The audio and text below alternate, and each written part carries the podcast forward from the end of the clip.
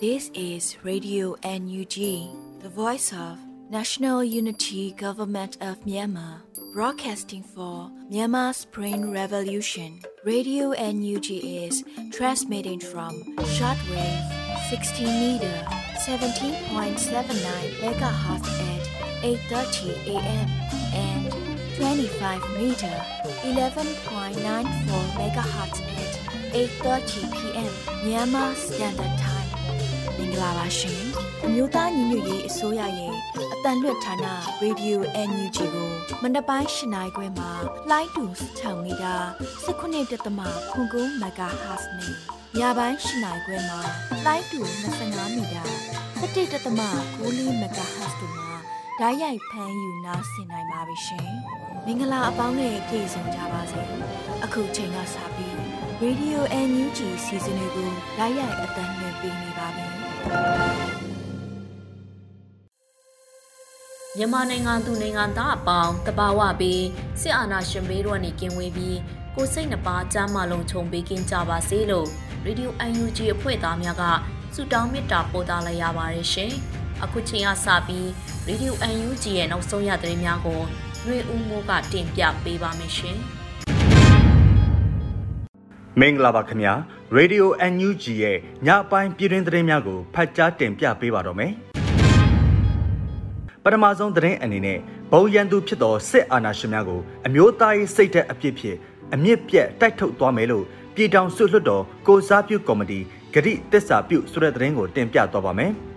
နိုဝင်ဘာ18ရက်တရားနှစ်နှစ်မြောက်အမျိုးသားအောင်ပွဲနေ့သို့ပြည်ထောင်စုလွှတ်တော်ကိုစားပြုကော်မတီမှပေးပို့တဲ့တဝန်လွှာပါအကြောင်းအရာတချို့ကိုထုတ်နှုတ်တင်ပြရလင်ယနေ့ကြာရောက်သည့်တရားနှစ်နှစ်မြောက်အမျိုးသားအောင်ပွဲနေ့အချိန်အခါတမရတွင်တိုင်းရင်သားများအားလုံးနှင့်တကွနိုင်ငံသူနိုင်ငံသားအားလုံးရင်ဆိုင်စန့်ကျင်တော်လှန်နေရသည့်အာဏာရှင်စနစ်ဆိုအားအသည့်တတိကြီးစွာဖြင့်ရင်ဆိုင်ရာຫນွေဦးတော်လှန်ရေးကာလတွင်ခွန်အားပြေဝစွာဖြင့် ဆက်လက်ရှောက်လန်းနိုင်ကြပါစေကြောင်းဆုတောင်းမြတ်တာပို့တအပ်ပါတယ်။ကိုလိုနီနယ်ချက်လက်အောက်ခံဘဝ1920ခုနှစ်ဒီဇင်ဘာလ9ရက်မြန်မာတက္ကရာ1282ခုနှစ်ဒဇမုံလပြည့်ကျော်10ရက်နေ့တွင်အမျိုးသားအောင်ပွဲနေ့ဟူသောတမိုင်းဝင်နေ့ထူးနေ့မြတ်ပေါ်ပေါက်လာခဲ့ခြင်းဖြစ်ပါတယ်။ယခုအခါတွင်လည်း2021ခုနှစ်ဖေဖော်ဝါရီလရက်နေ့တွင်နိုင်ငံတော်၏အချုပ်အခြာအာဏာကို ပြည်သူဆန္ဒမဲဖြင့်ဒီမိုကရေစီနီးကျရွေးချယ်တင်မြှောက်ထားသောနိုင်ငံတော်သမ္မတဦးဝင်းမြင့်နှင့်နိုင်ငံတော်၏အတိုင်ပင်ခံပုဂ္ဂိုလ်ဒေါ်အောင်ဆန်းစုကြည်တို့ဦးဆောင်သည့်ပြည်သူအစိုးရထံမှစစ်တပ်ကလက်နက်အားကိုဖြင့်ဥပဒေမဲ့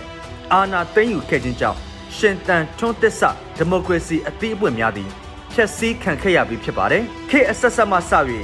ယခုຫນွေဦးတော်လှန်ရေးခရီးတိုင်အာဏာရှင်များကိုရဲရဲဝံ့ဝံ့စန့်ကျင်တော်လှန်ရင်တိုင်းပြည်၏ပြုပြင်ပြောင်းလဲမှုများကို လူငယ်များပပြီးတက်ကြွပြီးလိန်မာပါနဲ့စွာပါဝင်လျက်ရှိကြသည့်ចောင်းသားလူငယ်များနဲ့တိုင်းပြည်အတွက်အသက်ပေးဆက်သွားခဲ့ကြသည့်အာဇာနည်သူရဲကောင်းများအားဤနေ့ထူးနေ့မြတ်အခါသမယတွင်ဂုံယူလေးစားစွာဂုံယူမှတ်တမ်းတင်အပ်ပါတယ်မြမမြေပေါ်၌စစ်အာဏာရှင်စနစ်အပီးတိုင်ကွယ်ပြောက်ပြီးတိုင်းရင်းသားပြည်သူများကနှစ်ပေါင်းများစွာမျှော်လင့်တောင့်တခဲ့တော်လဲမပြေဝသေးသည့် Federal Democracy နိုင်ငံသစ်အိမ်မက်ကိုအကောင့်ထဲပေါ်ဖို့အတွက် စီးလုံးညညွတ်မှုအနှစ်သာရကိုအခြေခံကစစ်အာဏာရှင်များ၏သွေးခွဲမှုလှည့်စားမှုများကိုရင်ဆိုင်ကြော်လွှားကာစီးလုံးညညွတ်စွာဖြင့်အတူတကွ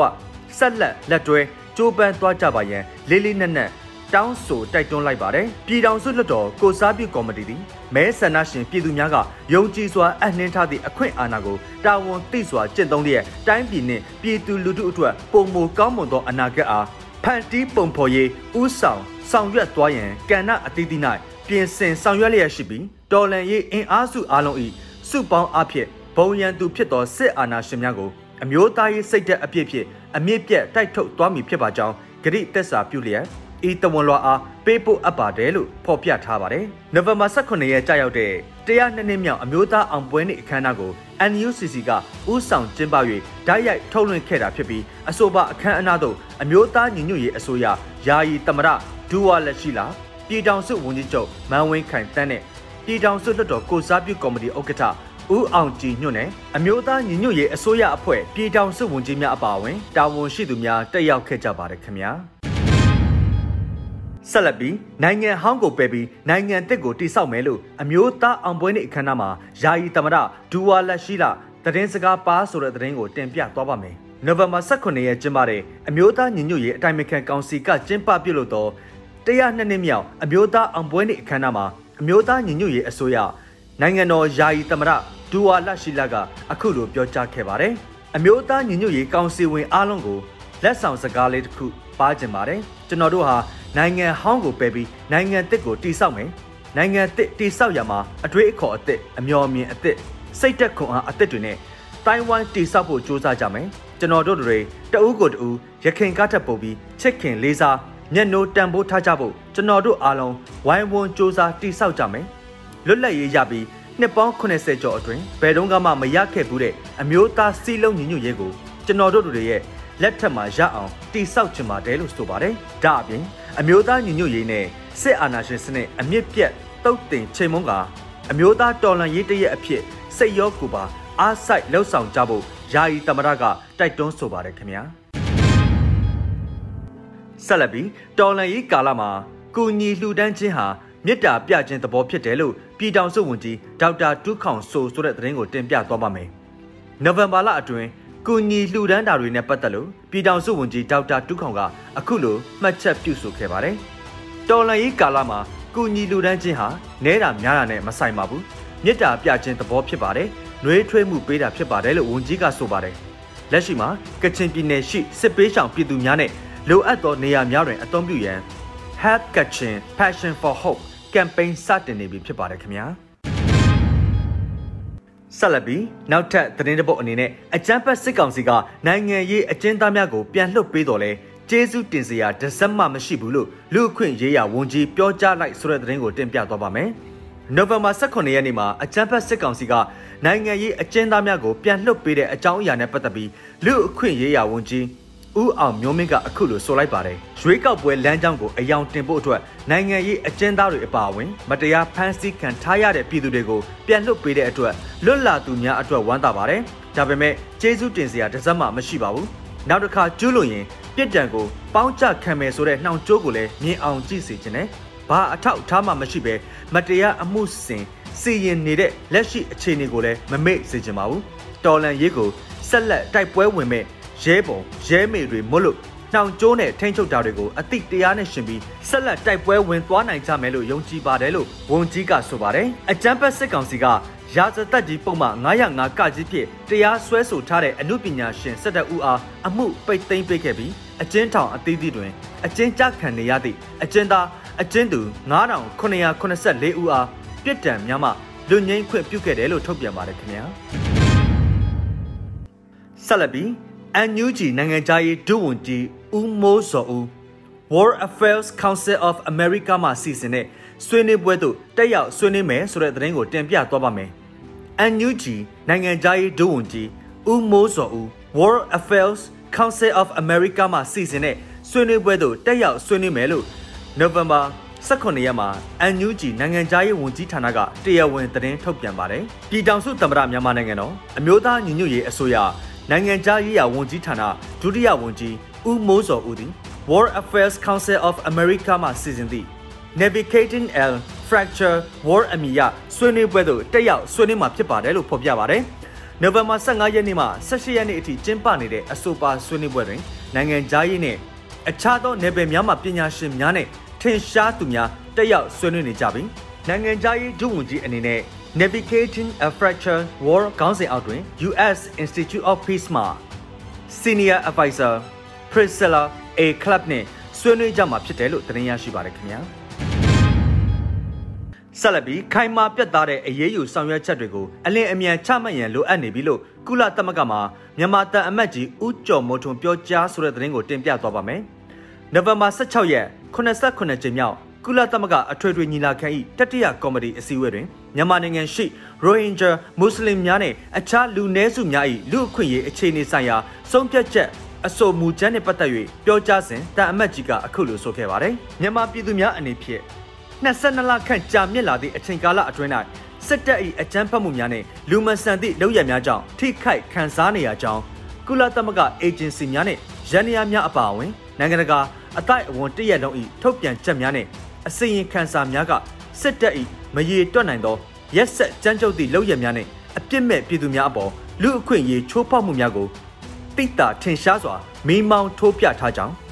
စစ်တပ်မှရက်ဆက်ကြမ်းကြုတ်သည့်လုပ်ရများကိုဆက်လက်လှုပ်ဆောင်နေခြင်းအားချက်ချင်းတားမြစ်နိုင်ရန်နှင့်စစ်တပ်၏ဒဏ်ခတ်ခြင်းမခံရသည့်အစဉ်အလာကိုအပီးတိုင်ချုပ်ငိမ့်စေရန်နိုင်ငံတကာအတိုင်းဝိုင်းအနေဖြင့်ခိုင်မာပြတ်သားသည့်အရေးယူဆောင်ရွက်ချက်ကိုအလင်းအမြန်ချမှတ်ရန်လိုအပ်ကြောင်းတန်အမတ်ကြီးကဆိုခဲ့ပါတယ်။ဒါအပြင် ရိုဟင်ဂျာအရေးကိစ္စမှာတခုတည်းတိတန့်ဖြည့်ရှင်း၍မရနိုင်ပဲဗတ်ပေါင်းစုံမှထဲ့သွင်းစဉ်းစားဆောင်ရွက်ရန်လိုအပ်သည်ကိုမိမိတို့ရင်ဆိုင်ကြုံတွေ့ဖြတ်တန်းခဲ့ရသောအခြေအနေများကအတီးပြုတ်ပေးလျက်ရှိပါကြောင်းတန်အမတ်ကြီးကဆိုခဲ့ပါတယ်ခင်ဗျာ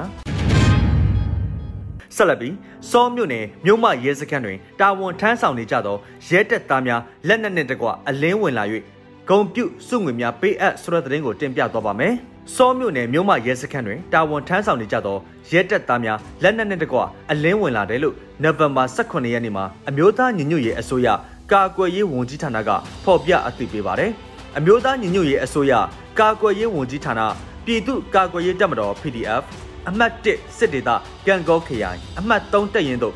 စောမြို့နယ်မြို့မရဲစခန်းတွင်တာဝန်ထမ်းဆောင်နေကြသောရဲတပ်သားများ၎င်းတို့၏ဆန္ဒအလျောက် လက်နက်နဲ့တကွအလင်းဝင်ရောက်လာခဲ့ကြပါတယ်လို့ဖော်ပြပါတယ်။လက်နက်နဲ့တကွအလင်းဝင်ရောက်လာသောဒုတက်ချက်တူနှင့်ရဲသား3ဦးကိုပြည်သူ့ကာကွယ်ရေးတပ်မတော် PDF အမှတ်1စစ်ဒေသကံကောခရိုင်အမှတ်3တပ်ရင်းတွင်ဂုံပြုအစုငွေပေးအပ်ပွဲအခမ်းအနားကျင်းပခဲ့ပြီးစွန့်ငွေပေးအပ်ခြင်းများပြုလုပ်ခဲ့ပါတယ်။အမျိုးသားညီညွတ်ရေးအစိုးရကာကွယ်ရေးဝန်ကြီးဌာနအနေဖြင့်အာဏာသိမ်းအကြမ်းဖက်စစ်ကောင်စီတပ်တွင်ဆက်လက်တာဝန်ထမ်းဆောင်လိုခြင်းမရှိသူများကိုလက်ကမ်းကြိုဆိုနေမှာဖြစ်တယ်လို့ဖော်ပြပါတယ်ခင်ဗျာ။ ဟုတ်ကဲ့ပါအခုတင်ပြပေးခဲ့တဲ့သတင်းတွေကိုတော့ Radio NUG သတင်းထောက်မင်းမင်းကပေးပို့ထားတာဖြစ်ပါတယ်ကျွန်တော်ຫນွေဦးမိုးပါခင်ဗျာ။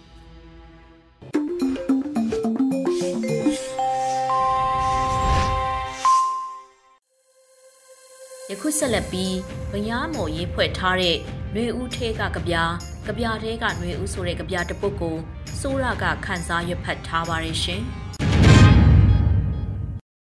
ຫນွေဦးထဲကကြပြား ကြပြားတွေကငွေဦးຫນွေဦးဒေါ်လန်ရေးမပီးမချင်းဘယ်ဘာသာကိုးကွယ်မှုရဲ့အထွတ်အမြတ်နေမဆိုပွဲတော်နေမဟုတ်တော့ဘူးဘယ်ပွဲတော်နေမဆိုပျော်ရွှင်စရာမဟုတ်တော့ဘူးဘယ်ပျော်ရွှင်စရာကိုမဆိုလာငပုတ်ဖန့်ထားတာမလွတ်တော့ဘူး Metropolitan မြို့ကြီးလို့သတ်မှတ်နိုင်တဲ့ရန်ကုန်မြို့ကြီးမှာတော့ တပြီလုံးစီကားပျော်ရွှင်လေးရှိတဲ့တစောင်းတိုင်းကိုရှားမရဘူးအပျော်ပါမဲ့တဲ့လူမျိုးဒလိမှုသာအလွန်နှဲပါလှတဲ့ကျမတဝက်စာနေရာကွက်ကွက်တချို့မှာလူစုစုကိုရှာရနိုင်ပါလေစစ်ပွဲတွေကထိတ်ရောက်နေတဲ့အချိန်မှာဟိုပွဲဒီပွဲတွေကိုခင်းပြနေတဲ့ခင်းပြတဲ့အထက်ပါဝင်နေတဲ့လူစုဟာလဲရွှေပြီးတော့ပုံမှန်သားယာနေကြောင်း ဘယ်နည်းနဲ့ပြရပြရပြကျင်နေတဲ့စစ်ကိုင်းအုပ်စုရဲ့လိုအင်ကိုတနည်းနည်းနဲ့ဖြည့်ပေးနေတဲ့လူအုပ်စုပဲဖြစ်နိုင်ပါမယ်ဘူးမသိဘာမသိအယိုးကန်လူအုပ်စုတွေလည်းပါကောင်းပါနိုင်တာပေါ့မြန်မာနိုင်ငံရဲ့ပွဲတော်ညာများကိုစစ်ကိုင်းအုပ်စုကလည်းပြန်လဲအသက်သွင်းကျင်နေတယ်ဒါပေမဲ့ ပြည်သူတို့လွတ်လပ်ပျော်ရွှင်စေလိုတဲ့စိတ်ရင်းမဟုတ်ဖဲလူထားတဲ့အာဏာကိုပြည်သူလူထုကမချစ်တော့လဲအောင်ကနန်းအလိုတူလိုက်ပြီးသူတို့ရဲ့စီမံအုပ်ချုပ်မှုအောက်မှာငြိမ်ဝတ်ပြည်ပြားမှုကို အတိုင်းအတာတစ်ခုအထိတိဆောက်ထားနိုင်ပြီဆိုတာမျိုးကို ထုတ်ပြလိုရင်းပဲဖြစ်တယ်နေတိုင်းနိုင်ငံတော်ရဲ့နာရေးတနည်းဓာတ်ရိုက်ပြောရရင်လဲ တော်လန်ရေးတပ်သားနိုင်ငံသူရဲကောင်းတွေနဲ့အပြစ်မဲ့အယက်သားပြည်သူတွေဟာစေကိုင်းအုပ်စုတပ်ဖွဲ့ဝင်တွေရဲ့လက်ချက်နဲ့အသက်ဆုံးရမှုတွေရှိနေရတဲ့အတွက်အတိတတိရှိတဲ့ဘယ်ပြည်သူမှဒီအချိန်မှာပွဲတော်တွေမှာမပျော်ပါမသွားရက်နိုင်ကြဘူးပြည်သူလူထုအတွက်ပွဲတော်တွေမလိုအပ်ရင်တော့ຫນွေဥမှာကြပြာကလိုအပ်နိုင်ပါတယ် ကျွန်တော်တို့ထက်မလျော့တဲ့စစ်ဘေးဒုက္ခနဲ့ရင်ဆိုင်နေရတဲ့ယူကရိန်းပြည်သူတွေဟာသူတို့ထက်အများကြီးပိုတာတဲ့ရုပ်ဝတ္ထုနဲ့ခင်မီအစွမ်းထက်လက်နဲ့အကူအညီတွေရနေသူတွေပါနိုင်ငံကိုစွန့်ခွာခဲ့ရပြီးပြည်ပမှာအနေကြာလှပြီးဖြစ်ပေမဲ့ဇာတိနိုင်ငံရဲ့အရေးမှာသွေးနွေးရသူကြပြဆရာအီလီယာကာမင်စကီဟာ အခုရက်ပိုင်းသူ့ရဲ့ Facebook လူမှုကွန်ရက်ပေါ်ယူကရိန်းကြပြဆရာများရဲ့ဇွန်းဘော်ကကြပြဖတ်ပွဲအကြောင်းသတင်းပါရမှာဒီလိုရေးသားခဲ့ပါတယ်မိတ်ဆွေများဒီခက်ခဲတဲ့ကာလတွေမှာကျွန်တော်တို့အားလုံးဟာကျွန်တော်တို့ရဲ့ဘဝမှာကြပြနည်းနည်းလေးပိုလိုအပ်ကောင်းလိုအပ်ပါမယ်ဒီတစ်ပတ်တိုင်းပြည်ရဲ့တစောင်းတိုင်းကာလများကို အမှတ်တရအနေနဲ့ တစောင်းတိုင်းညာများဆိုတဲ့ကြပြကိုဖက်ပြဖို့ရည်ရွယ်ပါတယ်ထုံးစံအတိုင်းကြပြဆရာရဲ့နာမည်ကို Port No Name အဖြစ်တင်ဆက်ရမှာပါပဲအခုအောက်တိုဘာနောက်ဆုံးပတ်ထဲမဟက်တန်က Guggenheim ပြတိုက်ကပြပွဲနာမည်ကိုတောင် ပြေးတရိယာမိတယ် Anonymous Art Collective for Iran Iran အတွက်အမည်မသိအမှုပညာရှင်များ စုပေါင်းအဖွဲ့ရဲ့ပြပွဲပါ ကိုနိုင်ငံရဲ့အာနာရှင်လက်အောက်ဆက်ရိတ်ကမလွတ်ကင်းနိုင်တဲ့အမှုပညာရှင်များဟာအန်ဒီရဲ့များလှပါတယ်ယူကရိန်းလိုကျူးကျော်သူနယ်ချဲ့နဲ့ဖက်ပြိုင်နေရသူတွေကကိုယ်နိုင်ငံမှာတော့ကိုယ်နာမည်ကိုခန်းပြီးကိုယ်ကြပြကိုရဲရဲရေးနိုင်ကြသေးတယ်အခုကျွန်တော်ဖက်ပြသွားမဲ့ကြပြဟာကြပြပရိရဲ့အရာစိတ်ကူးရုပ်ပုံတွေ ကွယ်ဝှက်ထားတာတွေ့နိုင်တယ်လို့ရိတ်ခါဝဲကပြောသွားတာတွေကိုလည်းတွေ့ရမှာပါ။နှစောင်းနိုင်ညာများခီးရှည်ခဲ့ပြီဖြစ်တဲ့ပြေတော့မဲ့လကိုကြောက်တုံးကပင်လေအောက်နှစ်လေတယ်။ဒိုင်အုပ်မီးအောင်စုံကကောင်းငင်ကိုမဖွဲမရပြုတ်လို့လူလိန်ဟာယူနန်းနန်းမှော်ဝင်တယ်လို့သူ့တစ်တာနဲ့ထဲကယာဒီတွေတစ်ခုပြီးတစ်ခု ထုတ်ပြနေလေရဲ့ကလေးစော့တန်တွေမြို့ကြီးပြကြီးမှာတော့စောစောစီစီနေမကွယ်ခင်တိတ်ဆိတ်နေပြီရက်ွက်တွေတဲ့ဝရန်ဒါတွေအမှောင်ချထားကြပါလားသူယူမှော်ဝင်တဲ့တိုင်းွက်တခါနင်းလိုက်တိုင်းဝရန်ဒါမပါတဲ့အိမ်ပေါင်းများစွာလှေကားမပါတဲ့အိမ်ပေါင်းများစွာ အိမ်မရှိတော့တဲ့အိမ်ပေါင်းများစွာအာမနုဿပီပီအမိတခြားအမောက်တခြားအိမ်မက်တွေတွတ်တွတ်ရွတ်လို့ပြာမုံဟာညီကုန်းမဟုတ်မှန်းမသိရှာဘူးကြပြားဆရာဟာနှစ်ပေါင်းများစွာအထိနိုင်ငံတော်လမပြည့်နိုင်သေးတာကိုတစောင်းနိုင်ရာသည်နဲ့တိုက်ပြီးဖွဲ့ထားတယ်။လကိုကြောက်တုံးက ပင်လယ်အောက်နှင့်လေတယ်တဲ့။သူ့ကြပြာကိုတစောင်းနိုင်ညမှာစစ်ကိုင်းအုပ်စုခေါင်းဆောင်ရဲ့ပုံလူကို ရေးကျင်လို့များအမိတမျိုးပေးလို့ရလိမ့်မလားတွေးကြည့်ခြင်းစရာပါလူလိန်ယူနှန်းနှန်းမှော်ဝင်တဲ့သူယူမှော်ဝင်တဲ့တိုင်းခွက်အမိတခြားအမောက်တခြားအမနုဿသူ့ရဲ့ကြပြားတဲကစကလုံးတွေနမိတ်ပုံတွေဟာ ဂိုင်းကောင်းဆောင်ရဲ့ပုံစိုးပန်းစိုးကို ပြင်းထန်တဲ့ရေးချက်တွေနဲ့ပုံဖော်ထားသလိုခံစားရနိုင်တယ်။အိမ်မက်တွေတွတ်တွတ်ရွတ်လို့ဆိုတဲ့ကြပြာပါရမှာအဲ့ဒီဘီလင်ရဲ့သူ့စကစကောင်စီဝင်တွေတက်ထဲကလူတွေရှိလေဖန်းဝရမ်းချီနေတဲ့တော်ရန်မဲဖွဲ့စကားတွေကိုကြားယောင်မိတယ်။ကြပြာရေးသူကခတ်ထိထိနောက်ဆုံး မှတ်ချက်ချလိုက်တယ်။ပြာမုံဟာหนีကုန်းမဟုတ်မှန်းမသိရှာဘူးတဲ့။အဲ့ဒီနိုင်ငံတော်ဖျက်ဆီးမှုတရားခံစစ်ရာဇဝတ်ကောင်တွေတင်မဟုတ်ပါဘူး။ကျွန်တော်တို့အားလုံးကိုယ်တိုင်ပြာမှုံတွေမိโกတွေသွေးတွေအသက်ဆုံးရှုံးရခြင်းတွေဟာဏီကုန်းမဟုတ်ကြောင်းယုံကြည်စွဲမြဲနေဖို့လိုအပ်ပါတယ်။ တစောင်းတိုင်းပွဲတော်ညာများမှသည်ຫນွေဦးတော်လှန်ရေးလူမှုရေးတော်ပုံရဲ့အောင်ပွဲစီအထိယုံကြည်စွဲမြဲကြပါမယ်ခမညာ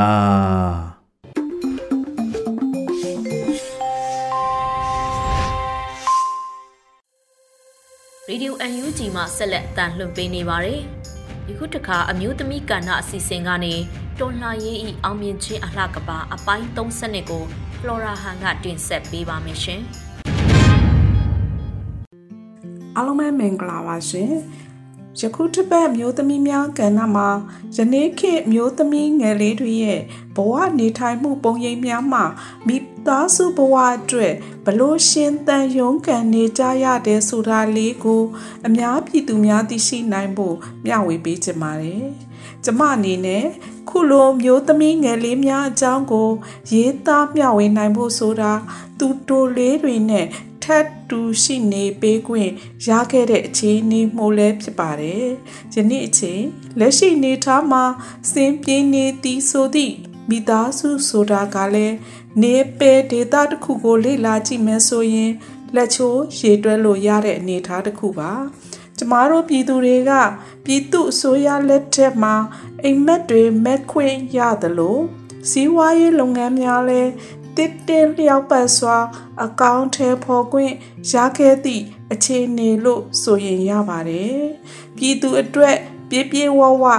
တန်းတူညီမျှအခွင့်အရေးစားသုံးနိုင်ခွင့်ရဖို့စ조사နေခြင်းလို့လည်းပြောရင်ရပါတယ်။အဲ့လိုစ조사မှုများမှာလည်းရလက်ကောင်းများစွာရရှိတဲ့အနေအထားကိုဥတီနိုင်ခဲ့ကြပါတယ်။အဲ့လိုအခြေအနေကနေမလဲရှောင်သာသည့်ကမ္ဘာကျမ်းမာရေးကဆိုးကြီးကိုရင်ဆိုင်ခဲ့ရတယ်လို့အခြေအနေဆိုးတစ်ခုကိုကြောဖြတ်နိုင်ဖို့ပြည်သူဆိုရနဲ့ ပြည်သူတို့ပူးပေါင်းပြီးကာကွယ်နိုင်ခဲ့ကြပါတယ်။အဲ့လိုအခက်ခဲမျိုးစုံကိုပြည်သူနဲ့အစိုးရ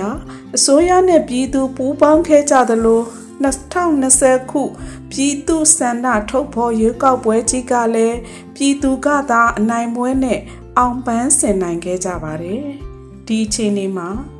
ပြည်သူတွေရဲ့မျှော်လင့်ချက်တွေက အစိုးရဖြစ်လာမည်ပြည်သူအစိုးရကို ပိုပြီးခိုင်ခိုင်မာမာယုံကြည်အားထားခဲ့ကြမျှော်လင့်ခဲ့ကြသည့်အခြေအနေပါကျမတို့ပြည်သူတွေရဲ့မျှော်လင့်ချက်အနာဂတ်လူငယ်များရဲ့ဘဝတွေကိုဖြည့်ဆည်းပေးနိုင်မှုခွန်အားအပြည့်နဲ့မောင်းခုတ်လာတဲ့ယထာတွဲကြီးဟာကျမတို့မထင်မှတ်ဖဲအာနာရှင်များရဲ့ရမတ်ကြီးမှု တကောကောင်းဆန်အလိုကြီးမှုများကြောင့်2021ခုဖေဖော်ဝါရီလတရက်နေ့မှာပြည်သူအာဏာကို ပြည်သူတွေရဲ့အနာဂတ်တွေကိုဖျက်ဆီးသိမ်းပိုက်ခြင်းခံလိုက်ရပါတယ်။အဲ့ချိန်ကစလို့မြမပြည်ကြီးဟာဆိုလို့ရှိရင်မိုးမောင်ကြခဲ့ရတာယနေ့ချိန်ထိပါပဲ။မြမပြည်မှာနေထိုင်သူ အသက်အရွယ်ကြီးသူမှစလို့ မွေးကင်းစကလေးငယ်များဆုံးလူတဦးတယောက်တိုင်းစီရဲ့ရပိုင်ခွင့်အခွင့်အရေးတွေဗက်ပေါင်းစုံမှဆုံးရှုံးခဲ့ရတယ်လို့လူသားရင်းမြင့်စွမ်းအားတွေလည်းဆုံးရှုံးခဲ့ရပါတယ်ဒီထဲမှာအဆုံးရှုံးရဆုံးလူသားစွမ်းအားကတော့မြမမျိုးသမီးငယ်များဖြစ်ကြပါတယ်အသက်အရွယ်အားဖြင့်73နှစ်ကနေ18နှစ်တွင်းလို့ဆိုရင်ရပါတယ်ကျမရဲ့ပတ်ဝန်းကျင်မှာ နေရာဒေသကိုပဲလေ့လာကြည့်မယ်ဆိုရင် မျိုးသမီးငယ်များစွာကျောင်းနေအရွယ်ကနေထွက်ကြပြီးမိသားစုဘဝစားဝတ်နေရေးပြေးလဲနိုင်ဖို့ရုန်းကန်နေကြသူတွေများပါတယ်။ဒါအပြင်မိမိတို့ပတ်ဝန်းကျင်နေထားမှရှိနေကြတဲ့အ ਨੇ သုံးမိသားစုအတိုင်းဝန်းတွေရဲ့အရွယ်တူလူငယ်များရဲ့ စိတ်တက်ရေးရာအနိုင်ကျင့်ပြောဆိုမှုများရဲ့ရိုက်ခတ်မှုဒဏ်ကိုလည်းလူသားချင်းချင်းခံစားနေကြရတာဖြစ်ပါတယ်။ဒီအခြေအနေတရားဆိုရင်ယနေ့အချိန်မြမပြည်ကြီးရဲ့နေရာဒေသနယ်ပယ်အသီးသီးမှာအများကြီးရှိနေပါပြီ။ဒါကိုကျမတို့ဆိုရကနေနိုင်ငံတော်တည်တည်ဆောက်ရေးမှာပဲဖြစ်ဖြစ် ပြုပြင်ပြောင်းလဲမှုအချိန်ကာလတွေမှာပဲဖြစ်ဖြစ်မြေအောင်ကြည့်ရမှာဖြစ်တယ်လို့ကျမတို့အမျိုးသမီးတူကို ကိုစားပြုနေသည့်ဝန်ကြီးဌာနအဖွဲ့အစည်းများမှသိရှိအောင်ဆောင်ရွက်ကြမှာဖြစ်ပါတယ်အခုလိုအကြောင်းအရာတွေကိုကျမတို့အမျိုးသမီးတူကြီးကလက်လန်းမိသလောက်အမျိုးသမီးငယ်များရဲ့ဘဝအခြေအနေ ရုံးကန်လှုပ်ရှားမှုများကိုတက်နိုင်သည့်ဘက်မှတည်င်းချက်လက်များကိုရယူခြင်းဖြင့်ကျကျမတို့အမျိုးသမီးကဏ္ဍကိုကူညီလို့ရပါတယ်။ဒါမှသာနောက်တစ်ချိန်ကျရင်ကျမတို့တိုင်းပြည်ဖွံ့ဖြိုးတိုးတက်ဖို့အခြေခံအုံမြင့်ဖြစ်တယ်လို့အမျိုးသမီးငယ်များရဲ့ဘဝကိုမြင့်တင်ပေးနိုင်သည့်အနေအထားတစ်ခုကို ရောက်ရှိနိုင်မှာဖြစ်ပါတယ်။ ကျမတို့အတွက်ဆုံးရှုံးခဲ့ရတဲ့အနာဂတ်ပန်းပေါင်းများစွာကိုဂုံပြုမှတ်တမ်းတင်ခဲ့ကြသလိုလက်ရှိအနေအထားမှာမဖူးမပွင့်နိုင်တဲ့နာဂတ်ပန်းလေးများကိုလည်းကျမတို့အမျိုးသမီးတူကြီးကနေပြီးတော့ဘဝတွေလှပဖို့စူးစမ်းပေးကြရမှာဖြစ်ပါတယ်။ဒါမှသာကျမတို့ရဲ့လူပေါင်းသစ်ခီးမှာလူဒန်းစားမီ၍ဘာသာလူမျိုးမီ၍လူတိုင်းရရှိမဲ့ ဒန်းတူညီမျှလူခွင့်ရေးဆိုတာကိုရကြရမှာဖြစ်ပါတယ်အခုလိုစနစ်ဆိုးနဲ့အာနာရှင်များမင်းမှုပြုလေတိုင်းတိုင်းပြည်မိုးမောင်ကြားခဲ့ရတာခေတ်ဆက်ဆက်ပါဒါကိုကျမတို့ပြည်သူတွေကမိမိတို့ဘဝတွေကိုယဉ်ပြီးဆင်းရဲဒုက္ခမျိုးစုံကိုရင်ဆိုင်ကြော်ဖြတ်ခဲ့ကြသလိုတော်လန်ရေးရဲ့စာမျက်နှာမှာလည်း ပူပေါင်းပါဝင်နေကြတာပြည်တွင်းပြည်ပညီကိုမောင်နှမတွေပါပဲကျမတို့အတွက်ပန်းတိုင်ကြီးလေးအခက်ခဲမျိုးစုံနဲ့ပင်ပန်းမှုတန်းကိုပို့ပြီးရင်ဆိုင်ကြရလေဖြစ်ပါတယ်ဒီအတွက်မြမပြည်သူတွေစီးလုံးကြမှာဖြစ်တယ်လို့ကျမတို့ရဲ့ရွေချက်ပန်းတိုင်းသွေးဖဲမသွားကြပဲတော်လန်ရေးအောင်မြင်မှုအလောက်ကဘာကိုတိဆောက်ကြပါစို့လို့မျိုးသမီးကဏ္ဍကနေ တိုက်တွန်းနှိုးဆော်လိုက်ရပါတယ်ရှင်အားလုံးကိုကျေးဇူးတင်ပါတယ်ရှင်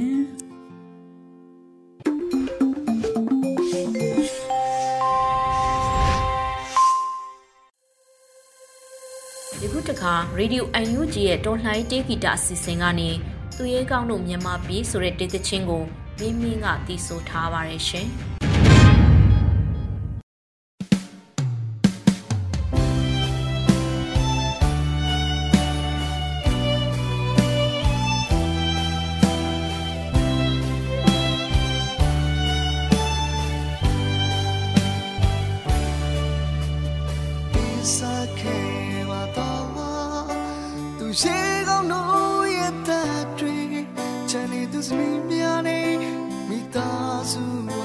တယ်ရှင်။များကျိုးဆောင်ငါပေးစရင်နဲ့ဒီလူသားတို့ရဲ့အမှန်တီ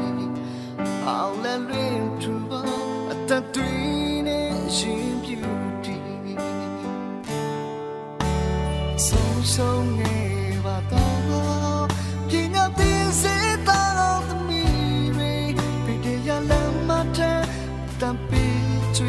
စတေကနေတန်နေရှိတဲ့လူငယ်မျိုးစတူရဲ့သစ္စာတီအာနာစနေဆိုပြတ်တော့မတွေ့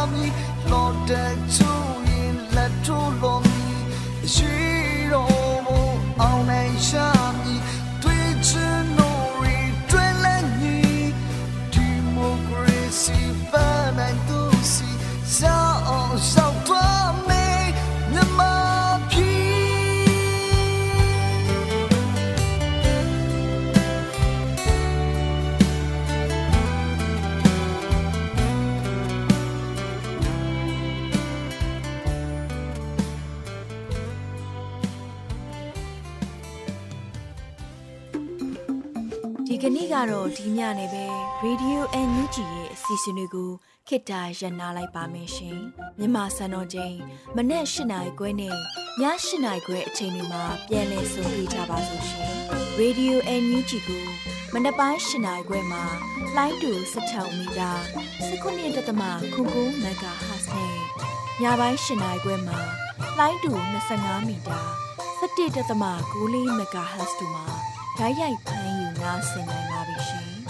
မြန်မာနိုင်ငံသူနိုင်ငံသားများကိုစိတ်နှဖျားစမ်းမချမ်းသာလို့ဘေးကင်းလုံခြုံကြပါစေလို့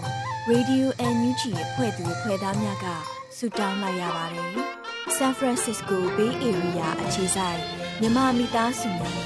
နိုင်ငံတကာကစေတနာရှင်များလို့အားပေးများရဲ့ Radio NUG ဖြစ်ပါတယ်ရှင်။အရေးတော်ပုံအောင်ရမည်